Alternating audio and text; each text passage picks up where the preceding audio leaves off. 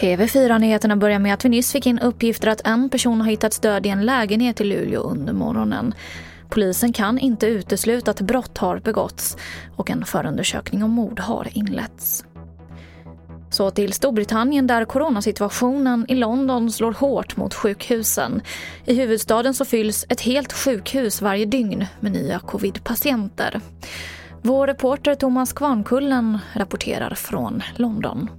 Ja, det senaste är att pressen är mycket hård på sjukvården och man varnar eh, nu för att sjukhusen kan stå inför den värsta krisen i historien. Och samtidigt finns det då oro för att eh, det faktum att många sjukvårdsanställda också har insjuknat kan påverka eh, både vården av de sjuka patienterna men också vaccin vaccineringen av britterna.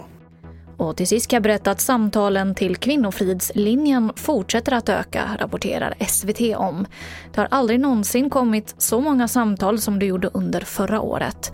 Under 2019 så besvarade man 116 samtal per dygn. Och förra året så ökade det till 128 samtal per dygn.